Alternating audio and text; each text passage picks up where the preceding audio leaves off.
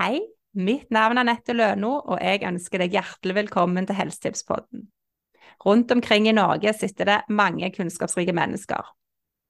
De har oppdatert kunnskap som kan bidra til at vi får større forståelse for oss sjøl, som kan gi oss innsikt og verktøy til å ta bedre helsevalg, sånn at vi kan få bedre helse og livskvalitet og økt livsglede. Og det er på Instagram jeg oppdager mange av disse. For der så jeg kontoer drevet av mennesker med et brennende engasjement for å dele av kunnskap og et ønske om å hjelpe andre. Og det var i grunnen sånn ideen til å starte podkast oppsto. For hvordan kunne denne kunnskapen nå ut til enda flere, og i et format som var lett tilgjengelig for alle? Ja, som et slags samlested man kunne gå til når man lurte på noe. Og nysgjerrig som jeg er og vil lære alt om helse, så var det jo ekstra forlokkende at jeg kunne være den som kunne spørre om alt jeg lurte på, og spørre de spørsmålene jeg tror andre ville stilt. Jeg ønsker å snakke om alle temaer og vinklinger som påvirker helsa vår. Og det er jo så mye som faktisk påvirker helsa, mye mer enn vi kanskje aner. Dagens episode skal handle om traumer, hva det er, hvordan det påvirker positivt og negativt, hvordan vi kan forholde oss til traumer, hvordan det påvirker hele systemet vårt, både fysisk og psykisk, og hvordan vi kan jobbe med det. Jeg er derfor så glad for at Marion Ørseng vil være gjest i Helsetipspodden. Marion ble ferdig utdannet psykolog i 2012, og har de siste elleve årene vært ansatt i offentlige helsetjenester for voksne og barn. De siste åtte årene har hun jobba i politiet i Statens barnehus med tilrettelagte avhør av barn som har opplevd mulig vold eller overgrep. Hun har jobba både på allmennpoliklinikk og mer spesialiserte avdelinger, bl.a. spesialklinikk for traumer og PTSD. Og uansett hvor hun har vært ansatt, har hun hatt en særlig interesse for traumer og traumebehandling. Derav navnet traumepsykologen, som hun kaller seg. Hun har videreutdanning i EMDR og metakognitiv terapi, og har òg en femårig videreutdanning som leder frem til tittelen psykologspesialist i klinisk voksenpsykologi. Hun har bl.a. erfaring med kriser, traumer, sorg, depresjon, panikkangst, sosial fobi, tvangslidelse, prestasjonsangst, svangerskapsdepresjon, helseangst, generalisert angst, stressrelaterte tilstander, arbeidsrelatert stress og utbrenthet. Og nå har hun startet sitt eget firma som heter Traumepsykologen. Der tilbyr behandling, kurs og foredrag. Og med denne merittlista skulle vi nesten trodd at Maren var minst 80 år. En ting som er sikkert, er at dette er en kvinne som er nysgjerrig, kunnskapssøkende, med et stort engasjement i sitt arbeid til å hjelpe andre. Velkommen, Marion. Tusen takk. Det var litt av en introduksjon.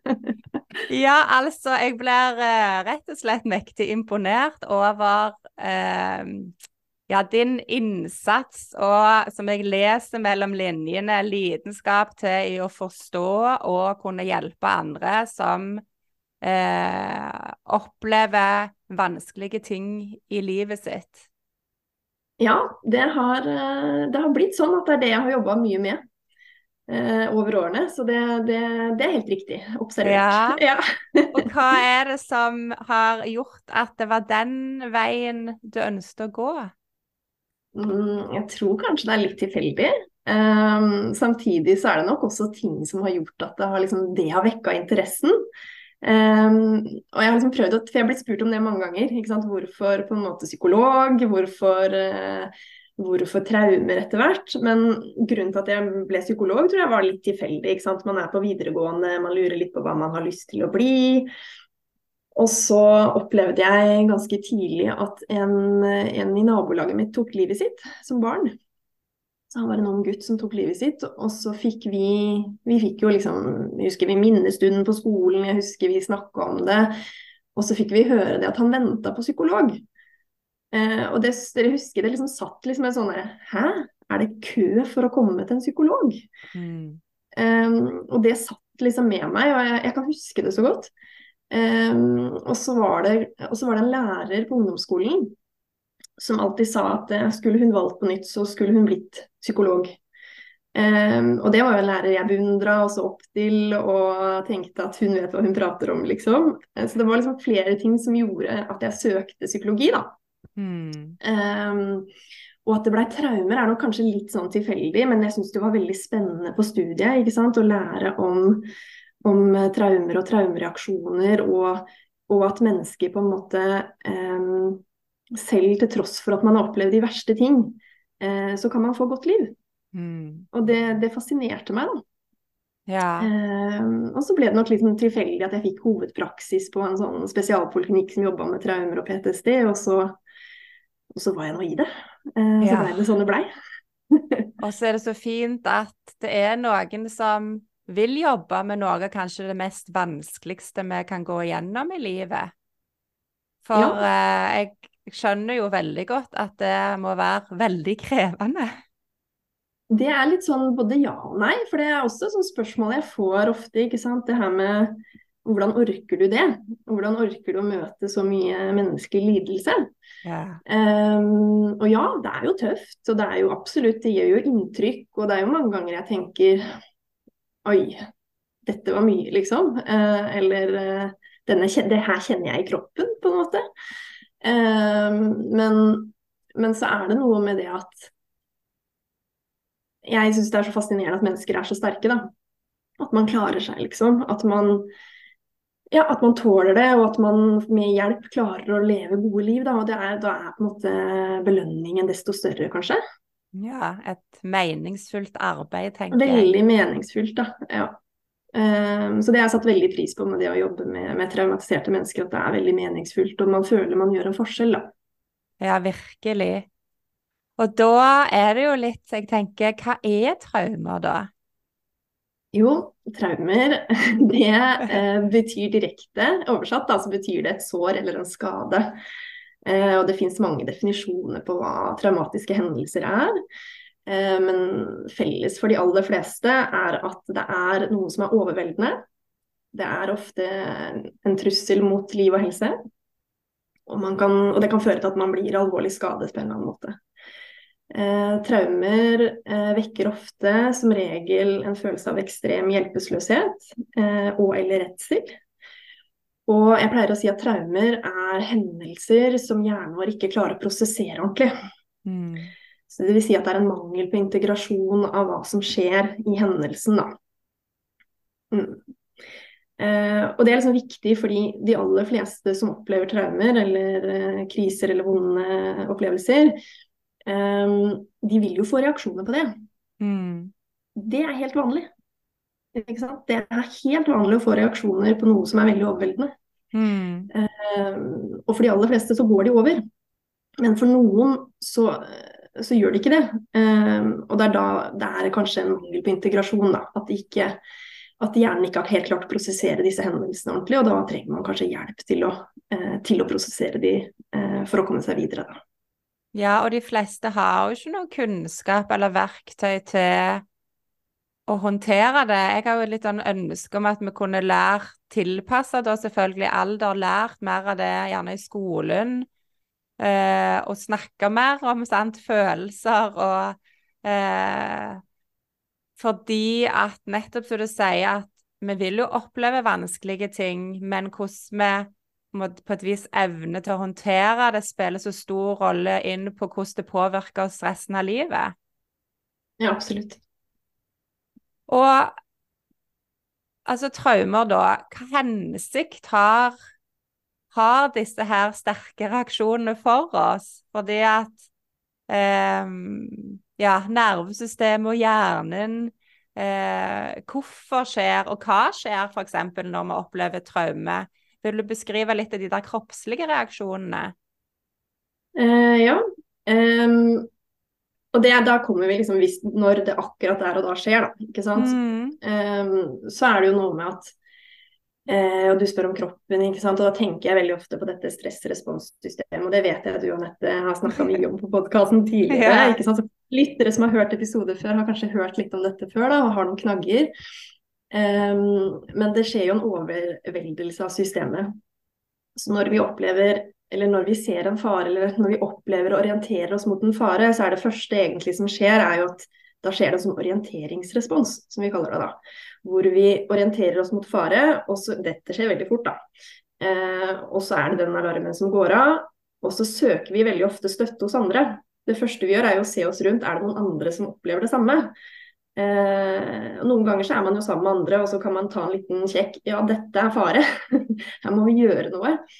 Eh, andre ganger så møter man jo kanskje en, et, en, traumatisk opplevelse alene. Og da har man ingen til å søke støtte hos. Eh, og da blir det jo enda vanskeligere. Men eh, si man har eh, Si i møte med den faren, da, så er det den orienteringsresponsen som kommer først. Og så gjør man noen valg. Hvordan møte dette, eh, denne opplevelsen. Og da er det da vi går inn i disse ulike stressresponssystemene våre som fight, flight og freeze. ikke sant? Kjem, flykt, frys. Um, og dette skjer helt automatisk. Eh, det har begynt å blitt forska litt på hvorfor noen velger det ene og noen velger det andre. Men vi er liksom helt fortsatt i den spede begynnelse hvorfor det er sånn. Mm. Ikke sant? Um, men når, eh, når man f.eks. velger, da, eh, eller at det skjer, at man kommer over i en fight eller eh, flight-respons, så skjer det jo mye med kroppen. ikke sant? Man, og da er det jo liksom kroppslig, hva er det som skjer? Jo, eh, pulsen øker kanskje, hjertet begynner å klappe. Eh, kroppen mobiliserer seg til å gjøre noe.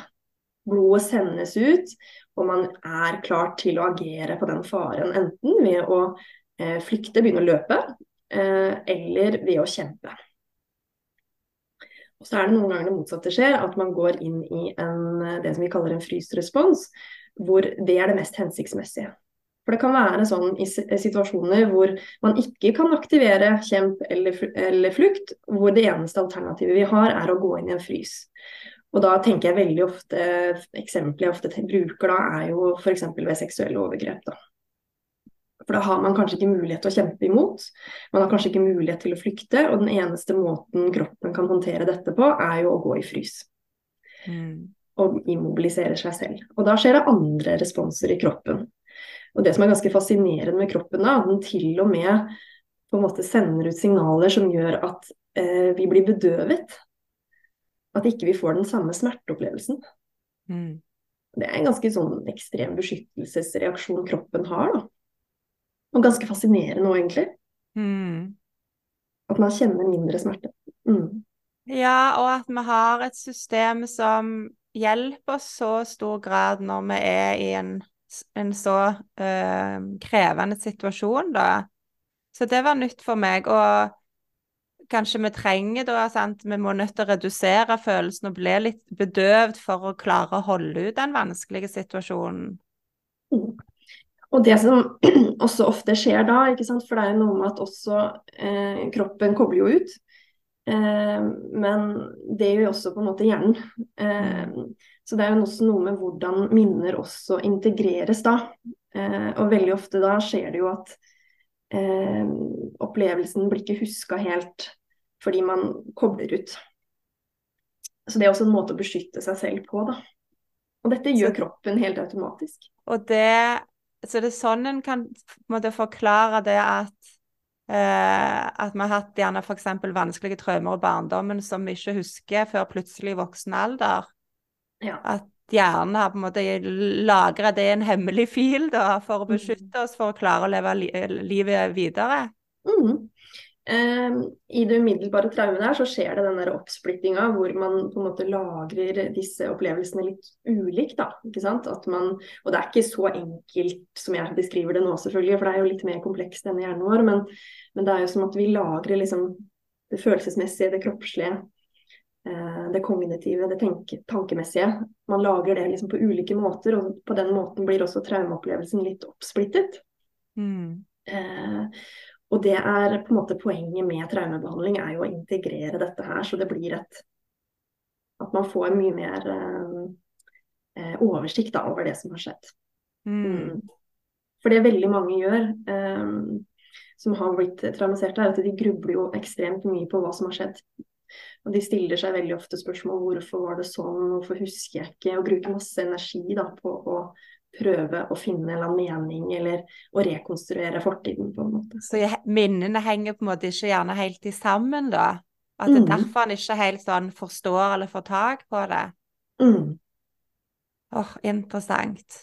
Så, det er så det er... viktig vi prater om dette, for ja. at de aller fleste gjennom livet vil jo oppleve en, en eller annen form for større eller mindre traume.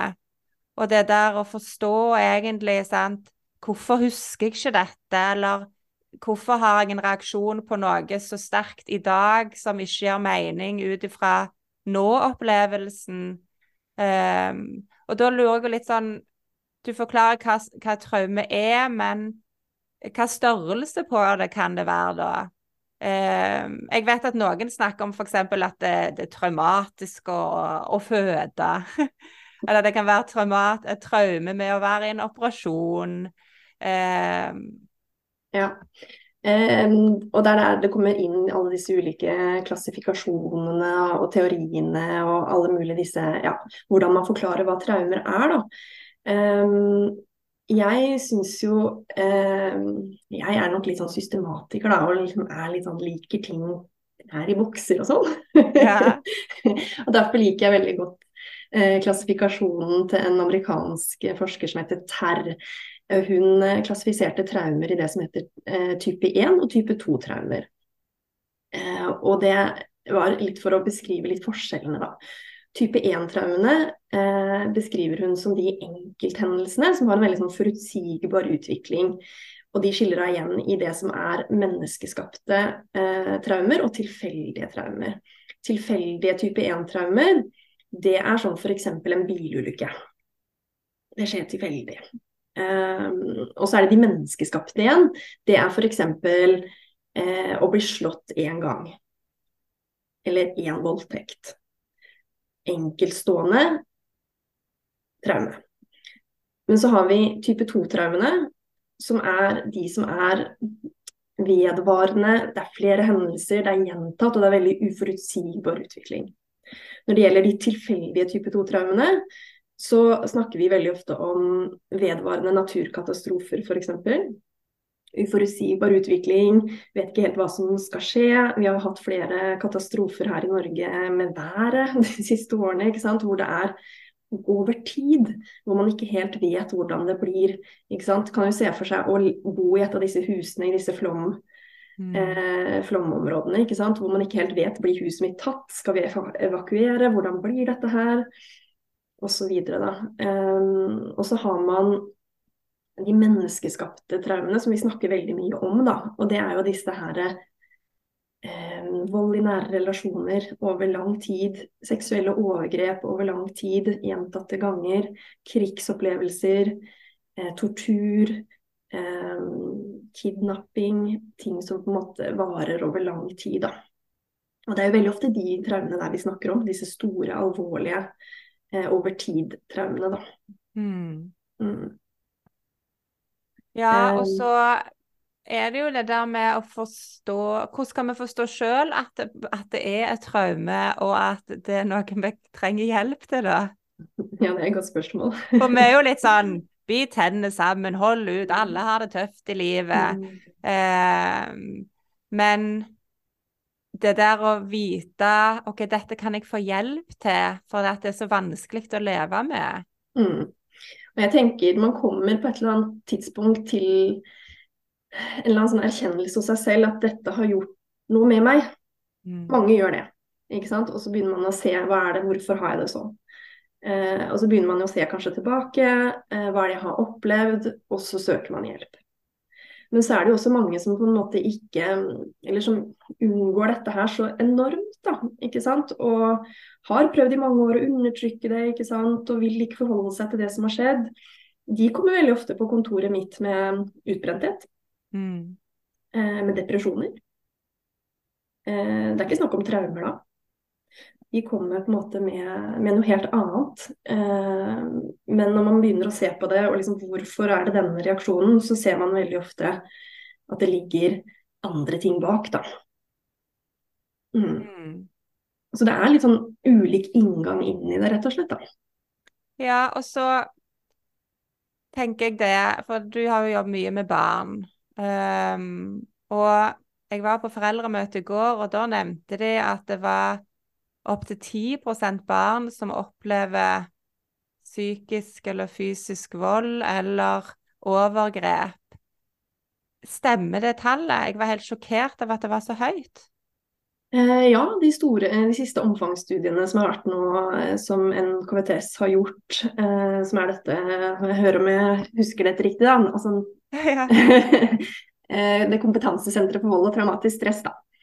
Eh, som ligger i Oslo, eh, de har gjort en del sånne omfangsstudier hvor de har sett på det. Hvor de sender ut på en måte så Jeg regner med at det er spørreskjemaer de sender ut til ungdom, barn, og ber dem å fylle ut, krysse av hva de har opplevd. Um, og de, de, peker på de tallene der. Ja. ja, det er helt sjokkerende. Uh, må jeg Ja, jeg satt nesten med hakeslepp og nesten vanskelig å forstå at, at det er så høye tall. Og det betyr jo, tenker jeg, at vi må bry oss mer. Mm. Eh, for å få det med oss òg. Eh, mm. Er det noen tegn en kan se etter når det gjelder barn, eh, som, som medmenneske òg, da, eh, eller som forelder, å følge med på eh, Er det noe i oppførsel, eller ja Hvordan kan vi mm. finne ut av sånt? Mm, det er jo the million dollar question, da. Ja. Eh, Hvordan er det noen spesielle tegn? Og det er ikke alltid det er det. Og det er det som er også noe å være obs på, da. Det er ikke alltid det. Fordi eh, barn mestrer jo ting på veldig ulik måte. Noen går jo på skolen, eh, og det er fristedet deres. Så når de kommer på skolen, så er de glad, sprudlende, helt vanlig, ikke sant. Mm. Eh, og det er helt umulig å skjønne at det er noe gærent.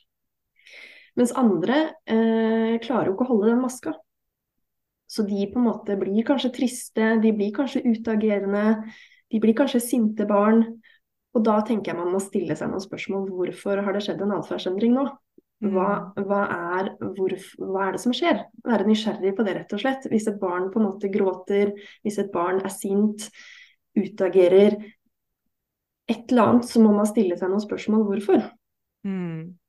Eh, men det er ikke noe sånn fasitsvar. Eh, når det gjelder seksuelle overgrep, så har vi jo sett eh, f.eks. barn som viser en seksualisert atferd. Fordi man begynner å imitere måte det man opplever hjemme. Så det er alltid et sånt spørsmålstegn hvorfor har dette barnet en seksualisert atferd. Men det trenger ikke å bety overgrep, og det er også Nei. viktig. Det kan også bety at dette barnet strever med en eller annen diagnose i utvikling som gjør at eh, det selvstimulerer mye eh, innenfor f.eks. autismespekteret. Eh, de type tingene. Så det betyr ikke nødvendigvis altså Seksualisert atferd betyr ikke nødvendigvis seksuelle overgrep, men man må mm. stille seg spørsmål hvorfor, hvorfor har dette barnet denne atferden. Mm. Ja, og jeg tenker at vi trenger å følge med litt alle sammen og vise omsorg og skape trygge rammer, sånn at eh, ja, både barn, ungdom og voksne våger å prate om det òg, hvis det er noe de har opplevd. Mm. Um, og hvis en da har et barn som har opplevd et traume, hvordan kan en som omsorgsperson være med og, og støtte må en gå og søke profesjonell hjelp? Er det oftest det beste? Du snakket det om at det er kø, og jeg vet at det er kø. Når du eh, tenkte tanken på å utdanne deg, så er vel ikke køene blitt eh, kortere, har jeg forstått?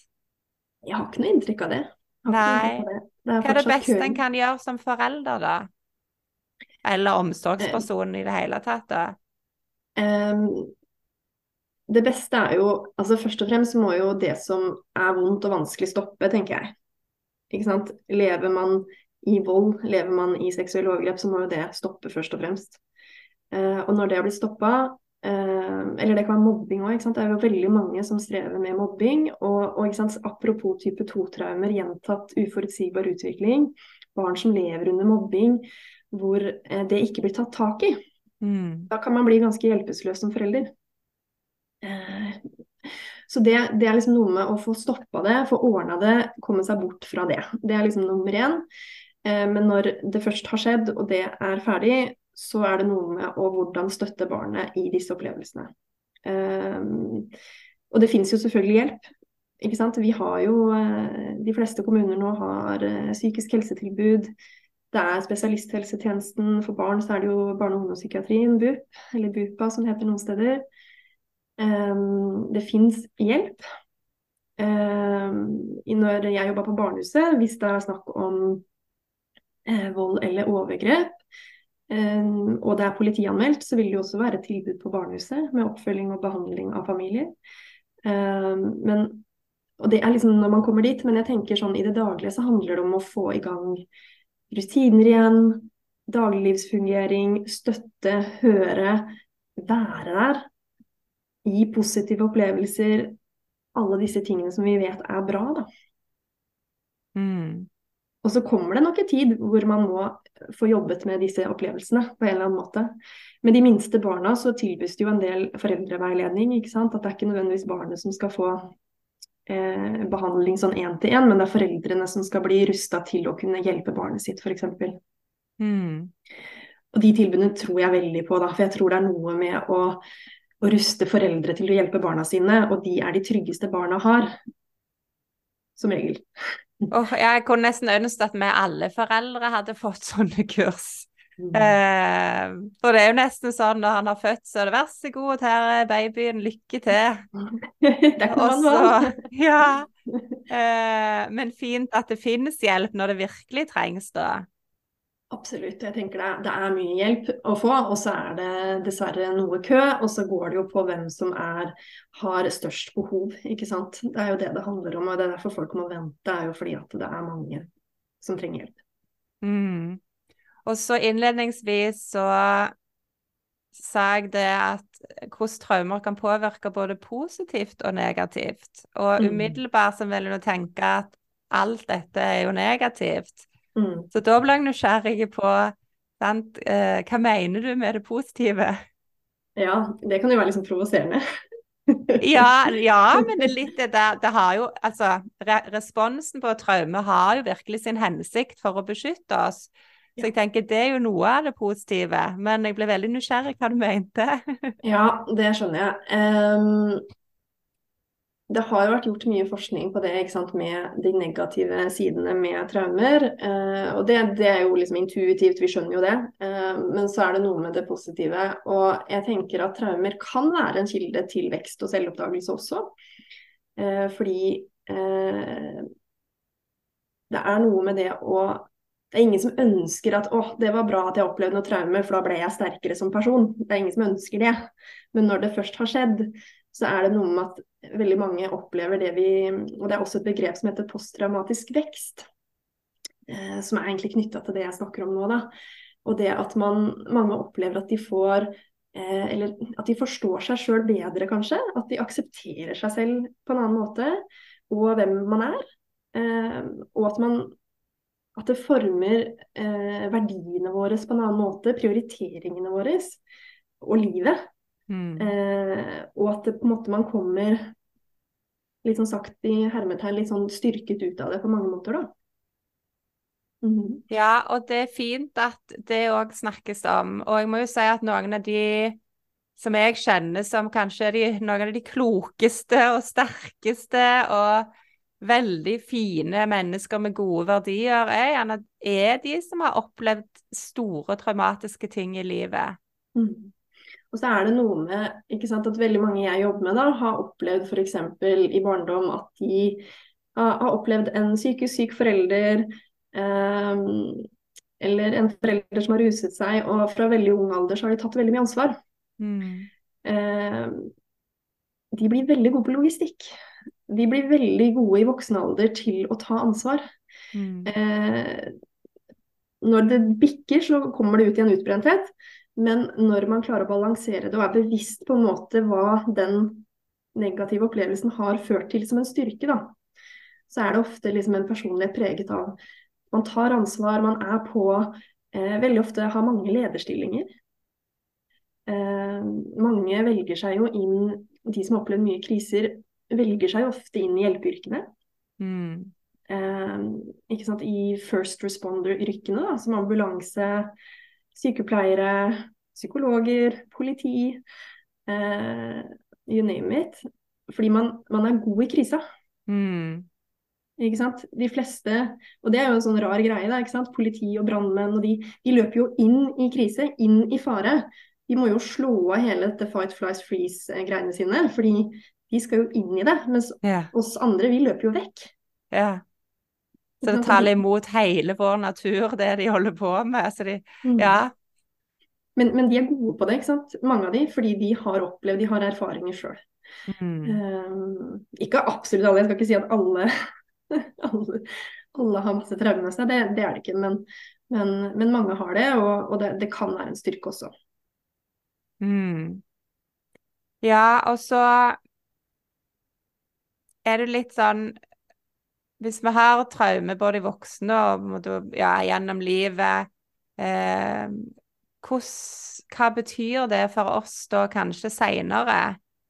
Eh, jeg kommer litt tilbake til det med at hvis jeg har opplevd noe vanskelig tidligere i livet, så kan det gi en reaksjon i tilsvarende situasjon seinere. Eh, med hva hensikt har det, lurer jeg òg litt på. Altså Nå snakket vi om nervesystemet og hjernen, men hvordan fungerer vi med dette her? Mm. Jeg tror jeg må dra kanskje de store linjene først, fordi eh, traumer kan jo påvirke eh, hele systemet, da, ikke sant. Meg som psykolog, jeg er jo selvfølgelig opptatt av disse eh, psykologiske konsekvensene. Ikke sant? Hvordan vi føler, hvordan vi tenker, hvordan vi handler. Eh, men vi vet jo også at traumer påvirker nervesystemet, som jeg vet du er opptatt av, Nette. Hvordan stress lagrer seg osv. Um, men traumer påvirker også immunologien vår, ikke sant. Eh, vi vet det at å gå med forhøya eh, hormonnivåer ikke sant? Når, og Da kommer vi tilbake igjen til stressresponssystemet. da, ikke sant? Hvis Mm. man, hvis man opplever mange traumer over tid, type 2-traumer, eh, og er i en sånn kronisk beredskap, så vil kroppen skille ut mer kortisol. Og det, sant, Utskillelsen av det å gå i kronisk beredskap gjør noe med immunsystemet vårt. Eh, og veldig mange blir oftere syke, mer forkjøla, kanskje mer allergier osv. Får mer sykdommer. Vi ser også mer autoimmune sykdommer, MS. Eh, Det har vært noe linker til kreft. ikke sant? Så det, det påvirker hele systemet, hele organismen vår. ikke sant? Um, traumer er også linka til sant, psykisk, fysisk, seksuelle helsa vår. Mennesker som har opplevd seksuelle overgrep f.eks. Masse konsekvenser for det seksuelle. Um, you name it. Vi, vi har snakka litt på forhånd før vi skulle spille inn denne her, sant, om genetikk og epigenetikk. da. Altså Mm. genetikk, læren om gener. Men epigenetikk handler jo om hvordan gener blir slått av og på. Eh, og det også har det vært gjort en del studier på, og begynner å komme mer og mer forskning også eh, på hvordan traumer går i arv, da, sånne transgenerasjonelle traumer. Hvordan nervesystemet vårt eh? Når den Hadde du opplevd noen traumer, og, det, og du hadde vært i kronisk beredskap, masse kortisol, så blir du gravid. Og så vet vi mer og mer om hva som skjer under en graviditet. Eh, hva man fører videre til barnet. Og så blir det kanskje en sårbarhet som kommer og blir ført videre til barnet, og, og igjen videre til neste generasjoner. Mm. Ikke sant?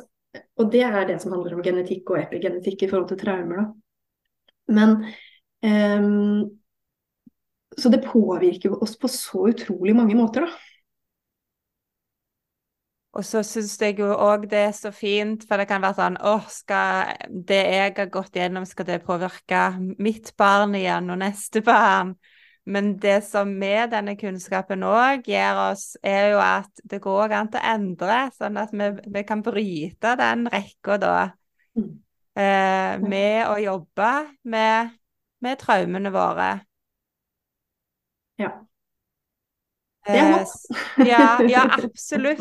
Og så føler jeg nå, altså, på et vis med den kunnskapen, så føler jeg det plutselig Vi har kommet inn i en tid når det er veldig mange som ønsker å bryte eh, det som har ført med kanskje i flere generasjoner, at eh, nok er nok, jeg vil ikke dette her, det skal ikke videre.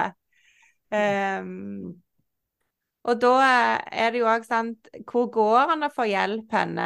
Um, for nå snakket vi sant, det går til en psykologspesialist, men hvordan kan han jobbe med seg sjøl på egen hånd? Har du noen gode Mm. tips der? Um, jeg tenker det er mye man kan gjøre sjøl når det gjelder traumer, og hvis man opplever at dette er noe som plager en. Det første er jo å bli bevisst hva, hvordan er det jeg reagerer, da. Bli liksom kjent med eget reaksjonsmønster. Når er det jeg når er det jeg blir trigget av ting, f.eks.? Liksom, når får jeg en reaksjon på et eller annet jeg opplever?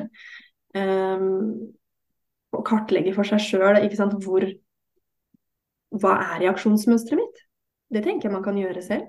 Mm. Eh, jeg tenker også at man kan jobbe med det vi kaller dagliglivsfungering. Da, ikke sant? Alle disse vanlige tingene som man vet er helsefremmebringende. Da, ikke sant? Det å sove nok, spise sunt, få nok aktivitet, fysisk aktivitet. Alle disse tingene er også regulerende mm. Eh, for oss.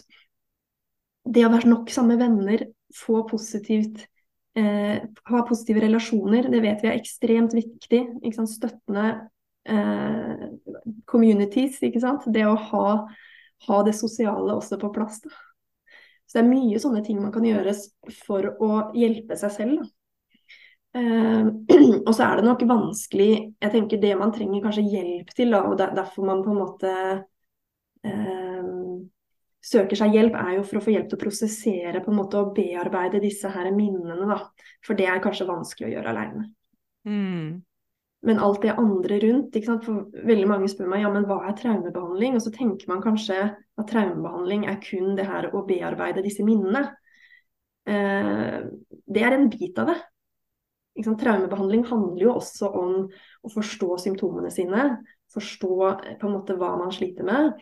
Altså det vi kaller for psykoedukasjon, ikke sant. Eh, traumebehandling handler også om mestringsferdigheter. Å få hverdagen til å gå rundt. Det jeg snakka om struktur, søvn, takle triggere. Eh, traumebehandling handler om regulering. Å regulere egne følelser. Eh, å regulere seg selv. Eh, og så er den der bearbeidingsbiten med, med, eksponering og gå gjennom hendelsen og få satt det litt på plass. Det er en, en bit av det, da. Og så er det jo også spennende at, sant, at hjernen er nevroplastisk. Den kan trene opp nye reaksjonsmønstre òg. Det er mm. der som du sier, å være oppmerksom på OK, nå ble jeg redd. Hva er dette? Nei, her jeg er nå, er jeg jo trygg. Hvorfor reagerer jeg på dette? Og så det der at vi kan trene opp til at ja, denne situasjonen nå i dag, i det livet jeg lever nå, det er ikke fare for meg.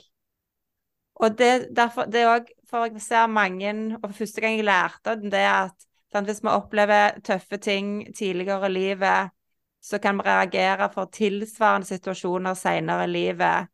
Um, og det å forstå det at den reaksjonen jeg har i dag, baserer seg på hva jeg har opplevd før.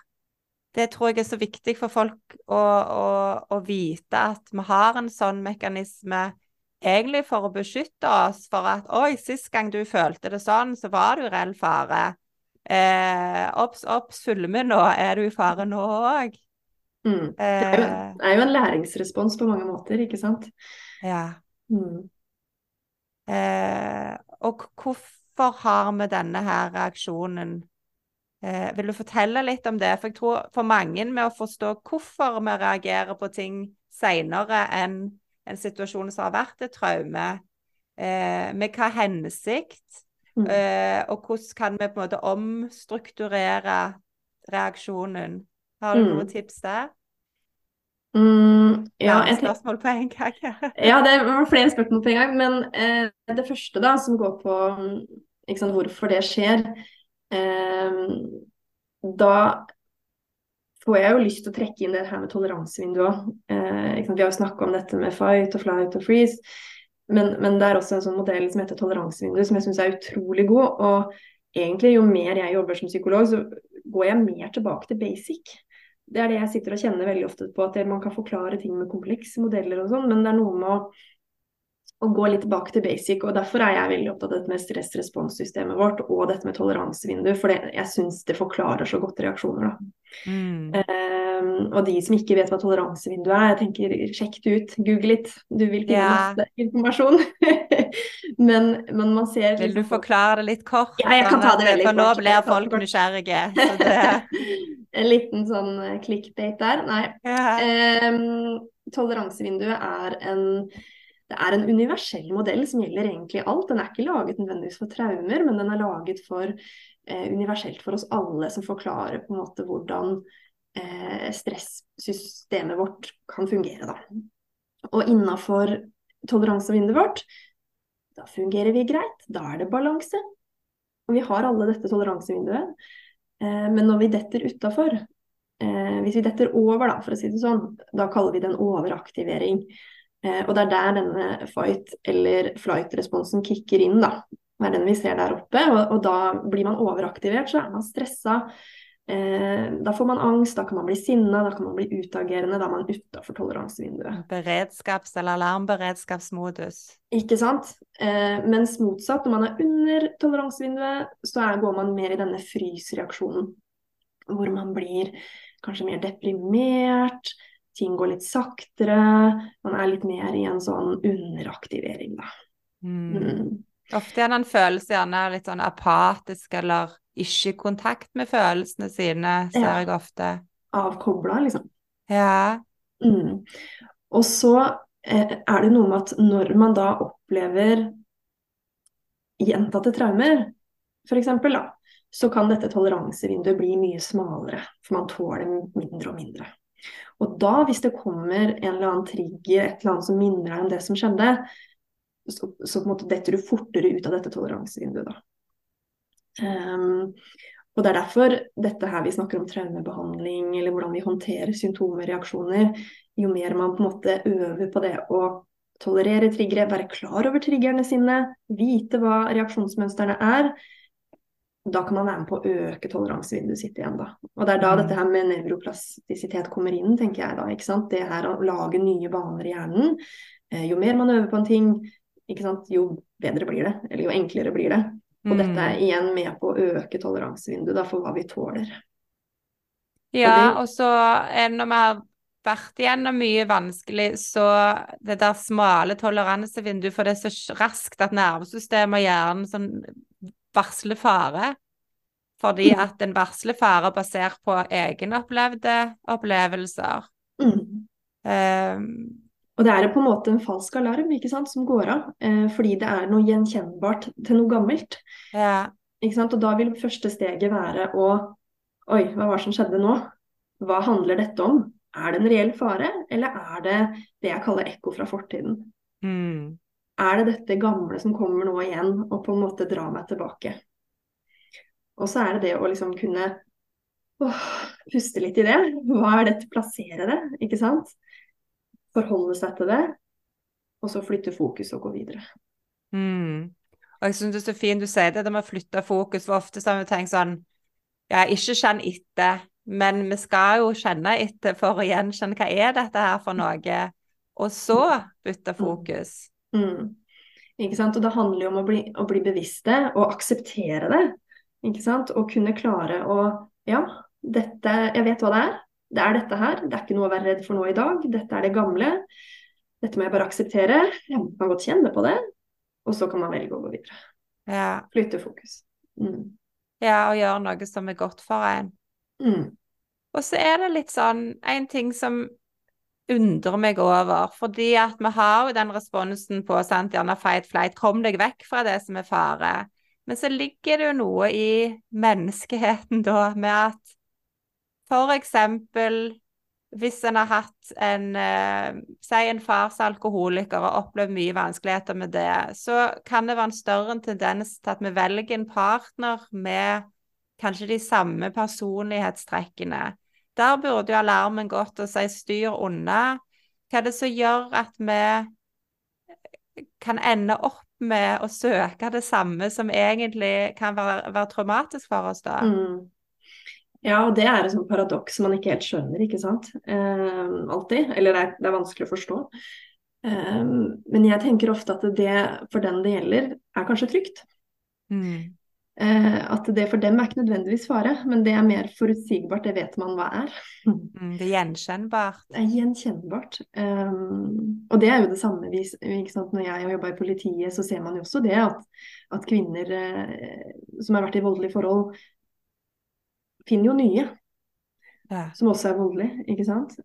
Og så er det noe med å også skjønne at det å oppleve traume gjør noe med en på en måte som det gjør noe med selvverdet vårt, med egenverdien, med at man føler seg ikke verdt noen ting.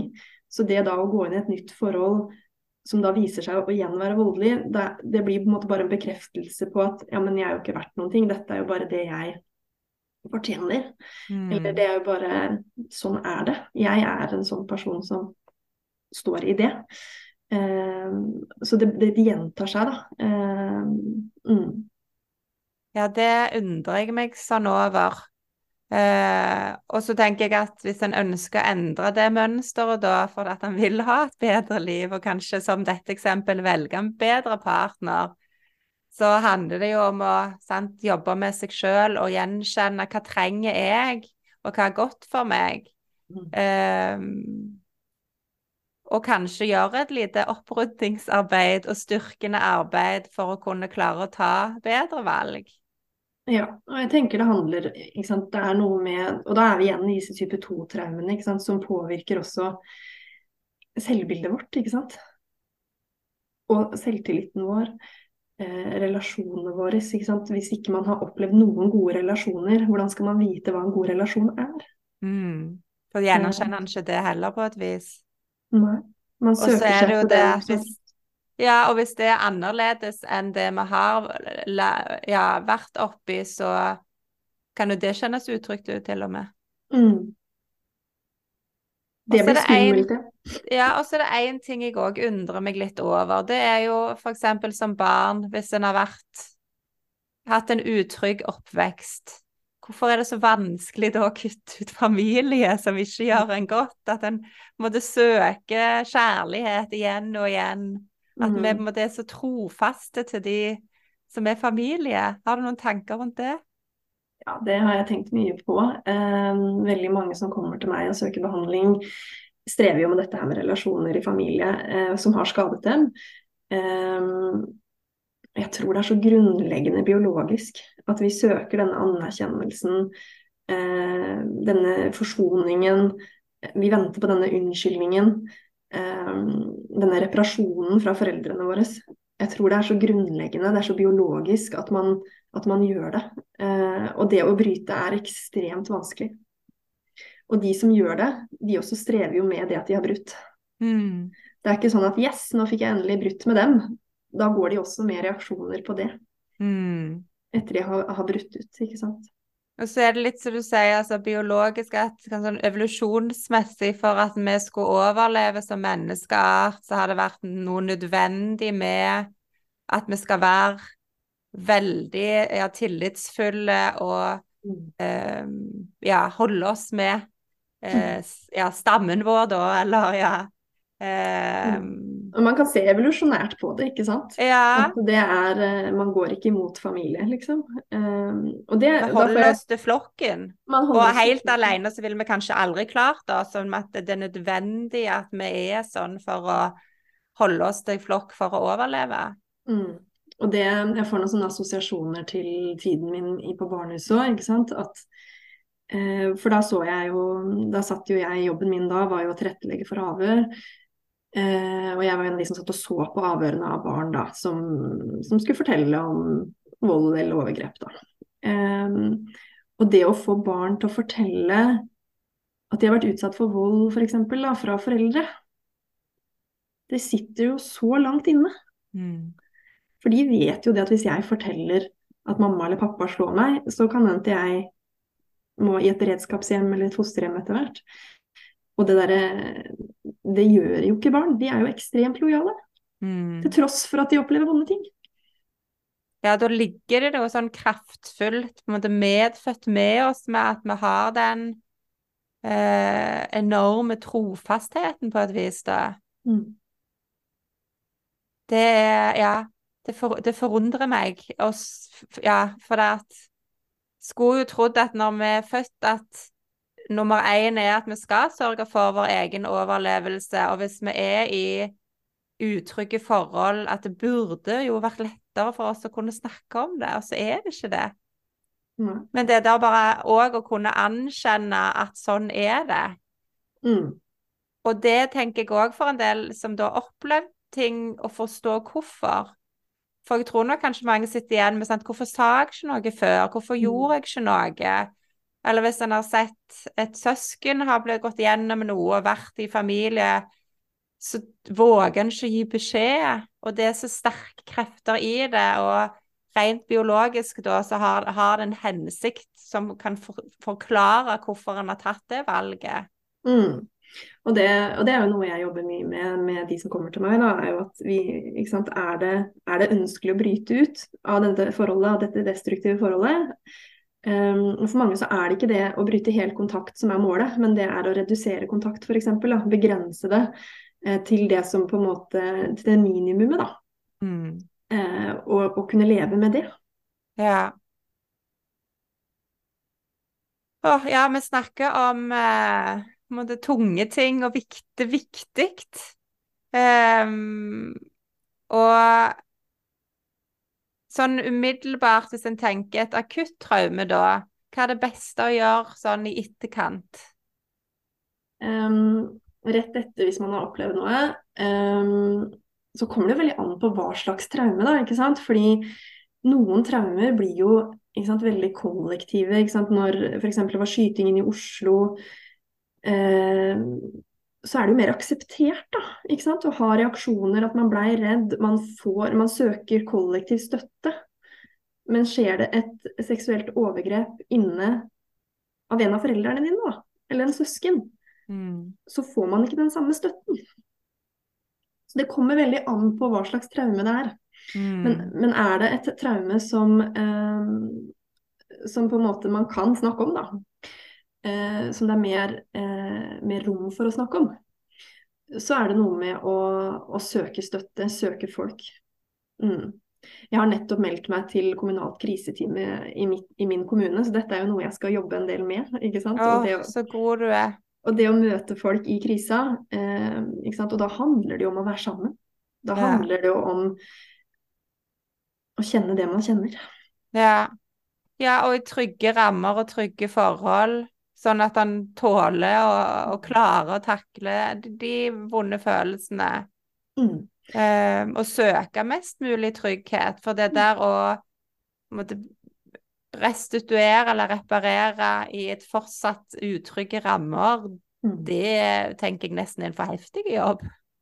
Ikke sant. Og det, jo, og det, er jo, det som er helt forferdelig å tenke på i forhold til barn som opplever vold eller overgrep. De har ikke, etter noe som skjer, så får jo ikke de noe repareringsarbeid.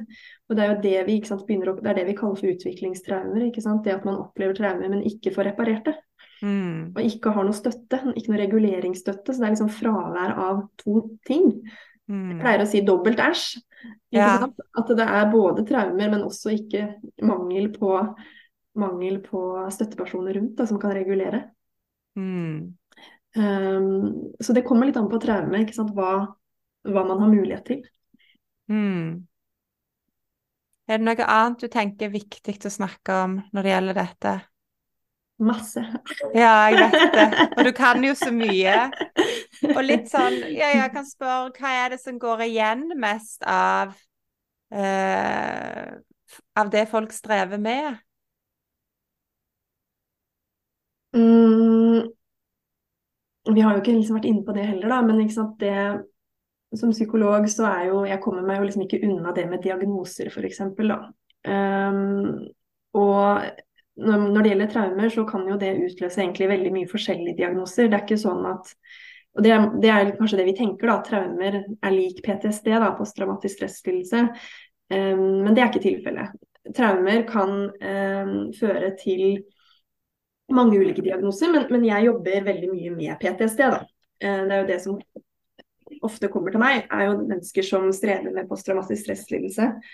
Og jeg tror det mange strever med, er selvfølgelig disse ekkoene fra fortiden. Disse bildene, disse videoene, disse flashbacksene som er så utrolig plagsomme. Og det er derfor de søker seg hjelp. For, mm. å, for å, få hjelp til å, å få bearbeida plassert. Men mye handler også om å få en forståelse, da. For hva er det som har skjedd? Det å kunne sette ting i en kontekst og sette det i et slags narrativ. da. Å kunne se tilbake på livet sitt på hva er det som har skjedd, og hva, hvorfor strever jeg så i dag. Mm. Eh, noen strever f.eks. i parforhold, at det er det, det er det det handler om. For de har blitt svikta så mye som barn at de strever veldig i partnerskap i dag, med reaksjonsmønster f.eks. Um, så det er det som fascinerer meg med traumer, at det kan få så utrolig ulike konsekvenser, da. Mm. Ja, og òg for noen kan gjerne gå gjennom veldig vanskelige ting, men likevel ikke være så prega av det. Mens hos andre kan det være uh, ja, preger hele livet, nesten. Mm. Så det er veldig stor forskjell. Og så er det noe med hvorfor er det noen klarer seg bedre enn andre, da. Eh, hvis man kan ta det spørsmålet. Og det, eh, og det kommer veldig an igjen på flokken, da. Mm. Hvem man har rundt seg, hvem er det som hjalp en, hvem er det som støtta. Hadde man én person? Hadde man noen? Hadde man ingen? Det vet vi en del om, da. Mangelen på sosial støtte i møte med, med traume. Ja, han hører jo litt den der historien at det var den ene læreren som så meg, som gjorde at jeg holdt ut mobbingen på skolen. Mm. Uh, ja. At en trenger omsorgspersoner. Ikke sant. Ja, og så trenger man Man trenger fritidsklubben. Mm. Som legges ned overalt. Ja. Man trenger idrettsforeninger. Man trenger på en måte noe annet utafor hjemmet også. Og da snakker vi jo forebyggende helsearbeid. Hvordan er det man kan skape arenaer for å få den støtta, da. Mm. Ja, og det er viktig. Mm. Og Det er ikke sånne ting man tenker på, men, er, men jeg tenker det er utrolig viktig da, å ha disse her støttearenaene rundt omkring. Ja, og det og derfor er sånn, tilbake igjen til det foreldremøtet jeg var på i går, så jeg sånn, åh, skal han femåring begynne å snakke om få vite om at det er noen det, som utøver overgrep. Jeg kjente jeg fikk en litt sånn urolig følelse i meg at uh, jeg vil ikke at han skal vite om at sånn finnes engang. Mm. Samtidig da, når det tallet var så høyt, så er det sånn OK, men dette handler mm. Jeg stoler på at det blir framlagt i en fin, fin uh, måte som gjør uh, er tilpassa til femåringer, da. Men så mm. viktig da at vi som samfunn klarer òg å ha omsorg og egentlig satt i system til å fange opp mm. sånne ting. Ikke sant? Og så er det noe med sant, hva kan man den enkelte gjøre? Hvis det er et barn som ikke møter i bursdagsselskap, hva handler det om da? Ja. Handler det om fattigdom? Kan man kutte ut å ha bursdagsgaver? Mm. Kan man komme med en tegning? Er ikke det greit nok? Oh, jo. ikke sant? Trenger vi disse her eh, plastikkgavene, liksom? Ja hvordan, er det, hvordan skape et inkluderende samfunn, da, ikke sant? Fordi det er, det er, barn som ikke kommer i bursdag fordi eh, foreldre ikke har råd til å sende, sende dem i bursdag. Mm. Og da mister man den her sosiale greia. Da mister man på en måte støtte, det støtteapparatet, da. Ja, og sånn som jeg måtte tolke det litt hen da òg, at vi tåler kanskje mer å stå og ha opplevd vanskelige ting når vi òg har trygghet i, i um, flokken, da. Mm. Um, ja. Og er ikke det fint at vi òg er sånn? Jo. Sant? Ja. Og, ja, og så er det Ja, som alltid så ender jeg opp med å ha kjempemange spørsmål, men så syns jeg det er så viktig, og derfor jeg òg ofte holder det til en time, for det at det er mye å å absorbere og ta inn informasjon, og det skal òg vi skal få mulighet til å få reflektere litt etterpå. Um, så jeg syns dette var veldig fint. Så pleier jeg å avslutte med om du har tre helsetips, da? Ja, nå har jeg tenkt. For å samle det litt på slutten. um, nå var vi jo liksom litt inne på det, men det første jeg vil si da, er jo Altså når det kommer til traumer, mitt number one tips er jo da å søke støtte. Ikke, ikke nøl med å søke støtte fra mennesker du stoler på, enten det er venner, familiemedlemmer eller profesjonelle hjelpere, som terapeuter eller rådgivere. Um, ha noen å snakke med. Å få støtte det er en viktig del av det å tilhele fra traumer, tenker jeg. Um, nummer to, og det snakker vi ikke nok om, men det er å praktisere selvomsorg. Finne mm. måter å ta vare på seg sjøl på, enten det er å ta et varmt bad, lese en god bok, gå en tur i naturen, meditere, lytte til musikk, eller gjøre noe annet som gir deg glede, da. Eller avslapning. finne ut hva som fungerer for deg, for det kan være veldig forskjellig fra menneske til menneske. Og prioritere det i hverdagen.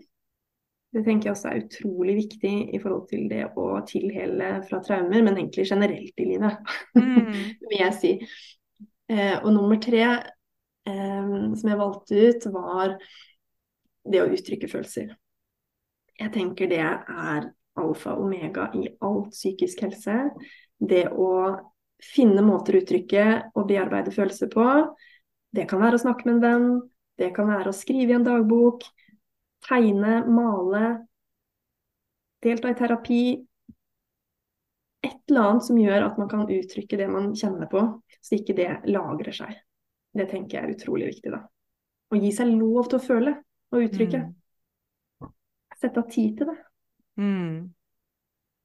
Det var tre fine og veldig gode tips uansett for hvordan vi har hatt det og har det, men spesielt viktig opp mot det vi snakker om i forhold til traumer. Så tusen takk at du hadde lyst å sette tid til denne samtalen. Jo, bare hyggelig. Det setter jeg stor pris på. Og så håper jeg nå at uh, du som lytter, har um, lært litt, og som jeg sa, at dette her er til nytte for, for alle. Og så er det så viktig at vi som mennesker er litt oppmerksomme og viser omsorg for hverandre.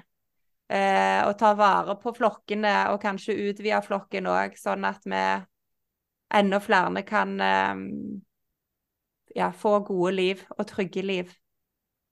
Tusen takk, Marion, og så takker jeg til deg som har lytta. Hei igjen. Jeg vil tipse om at jeg søndag 8. oktober skal holde workshop om vagus på pulskuren.no. Der får du kunnskap og verktøy som styrker kroppens evne til selvhelbredelse. Pulskoren.no er i regi av lege Torkel Færø, som har skrevet den populære bestselgeren av en bok, Pulskuren. Og i løpet av høsten arrangeres det flere workshops med dyktige foredragsholdere innen ulike temaer. Jeg kan bl.a. nevne trening, stressbalanse, intermittent living og mindfulness. Og jeg skal som sagt holde workshop om vagus, som er kroppens superhelt som bekjemper stress, inflammasjon og sykdom. Påmelding skjer på pulskuren.no.